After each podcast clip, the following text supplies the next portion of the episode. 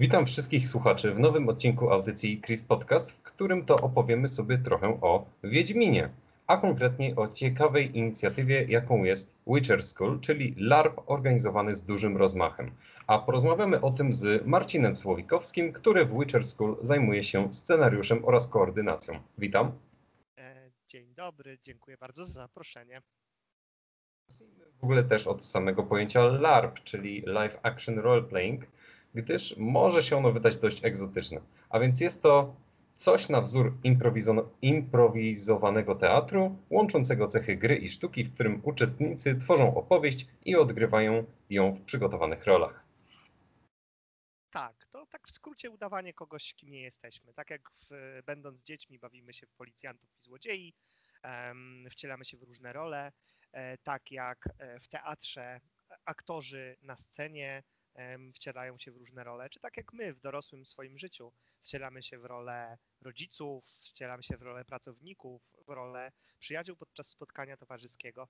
Tutaj proponujemy rolę dosyć nietypową, ponieważ rolę kogoś, kto ma szansę zostać Wiedźminem, proponujemy wkroczenie do świata znanego z książek, gier mm, oraz filmów i każdy może przeżyć swoją przygodę i sam zadecydować o tym, czy podda się próbie traf i zostanie zabójcą potworów.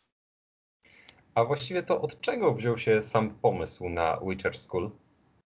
Mm, jako fani Wiedźmina e, oraz fani LARPów postanowiliśmy połączyć e, te dwie rzeczy. Mm, kiedy udało nam się nawiązać współpracę z zamkiem w Mosznej, stwierdziliśmy, że będzie to idealne miejsce, do którego będziemy mogli zaprosić uczestników, a sam zamek e, przemienić na tych kilka dni e, w Szkoły Wiedźminów. I tak w 2015 roku, na wiosnę, po raz pierwszy zorganizowaliśmy tego typu wydarzenie dla polskiej publiczności które tak e, przypadło wszystkim do gustu, że zanim przyszło kolejne, potem pojawiło się międzynarodowe wydarzenie prowadzone w języku angielskim w roku 2016 i od tamtej pory zorganizowaliśmy już 32 edycje. Wspomnieliście o próbie traw, czyli do, rzeczy, która jest bardzo dobrze znana fanom, czy to książek, czy to gier. I mm, jak u Was przebiega proces tak zwanego wiedźmińskiego szkolenia? Jeżeli chodzi o samo szkolenie, to zakładamy, że takim ciekawym rozwiązaniem dla uczestników naszych wydarzeń będzie połączenie czegoś przyjemnego z czymś pożytecznym. Także część zajęć, które odbywają się w naszym wiedźmińskim siedliszczu, to mm, takie bardzo praktyczne warsztaty, na przykład warsztaty walki bronią, strzelania z łuku, mm, warsztaty rzemiosła, oprócz tego prowadzimy też e, zajęcia z przedmiotów znanych e, wszystkim fanom Wiedźmina, czyli uczymy wiedźmińskich eliksirów, uczymy wiedźmińskich znaków. Mm, tutaj posługując się troszeczkę chemią oraz pirotechniką, tak aby te lekcje były widowiskowe.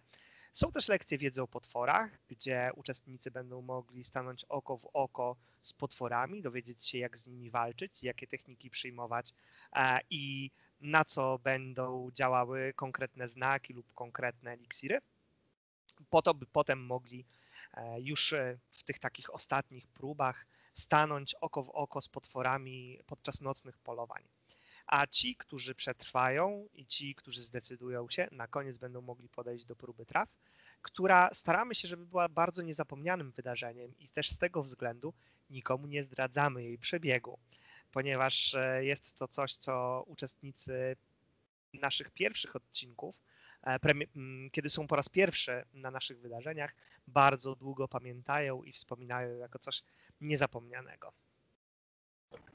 Czy uczestnicy też mogą opowiadać, co się tam dzieje, czy nie za bardzo? Um, oczywiście, jak najbardziej, przy czym wszyscy zdają sobie sprawę z tego, że pewne rzeczy najlepiej zachować w tajemnicy.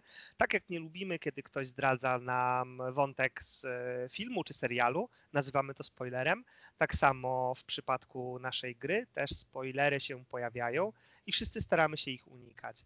Sama gra skonstruowana jest w ten sposób, że historia podzielona jest na kilka odcinków, w których można kontynuować swoją przygodę.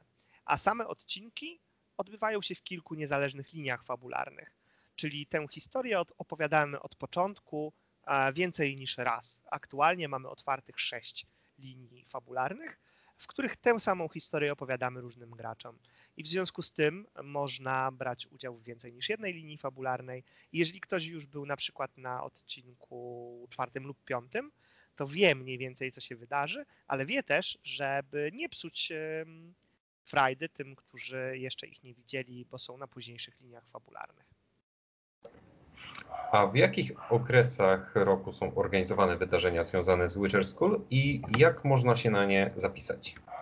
Mm, aktualnie, mm, nie licząc krótkiej przerwy na COVID-19, staramy się organizować takie dwa sezony. Mamy sezon wiosenny, czyli e, wydarzenia, które odbywają się w kwietniu, maju, czasami też w czerwcu, mm, oraz sezon jesienny, e, czyli wrzesień i październik.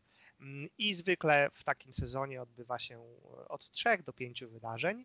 W najbliższą jesień chcielibyśmy zorganizować pięć edycji. Pierwszą polską, która będzie miała miejsce we wrześniu, i potem na przełomie września i października cztery międzynarodowe, aż w trzech różnych zamkach.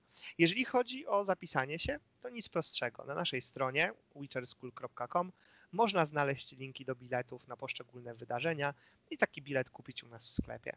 A później już tylko krótki formularz zgłoszeniowy, który pozwoli nam przygotować jak najlepszą postać dla uczestnika, w którą wcieli się podczas naszego wydarzenia i dopasować przygodę do potrzeb ponieważ e, zapewniamy noclegi, zapewniamy także posiłki, więc chcielibyśmy wiedzieć, czy dieta uczestników nie ma żadnych ograniczeń, czy jest to dieta na przykład wegetariańska, albo czy ktoś jest na coś uczulony.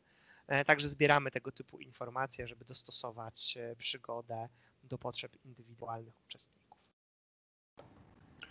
Uczestnicy LARP-u na czas jego trwania mieszkają w prawdziwych zamkach, jak tu wspominałeś o Zamku Moszna, ale też e, na stronie waszego stowarzyszenia da się znaleźć informacje o Zamku Grodziec, czy, o, czy również o Zamku Czocha. I mm, opowiedz nam, jak do tej pory udało wam się zorganizować to wydarzenie, w sensie jak uzyskujecie dostęp do tych zamków? Jeżeli chodzi o dotychczasowe wydarzenia, to organizowaliśmy je na zamku na Grodźcu oraz w Mosznej. E, I tam mamy już długoletnią współpracę, e, która przebiega zawsze bezproblemowa, zawsze się z niej cieszymy. Jeżeli chodzi o zamek Czocha, to chcieliśmy te wydarzenia zrobić w poprzednim roku. No niestety się nie udało, więc liczymy na to, że uda nam się tę współpracę owocnie rozpocząć właśnie jesienią.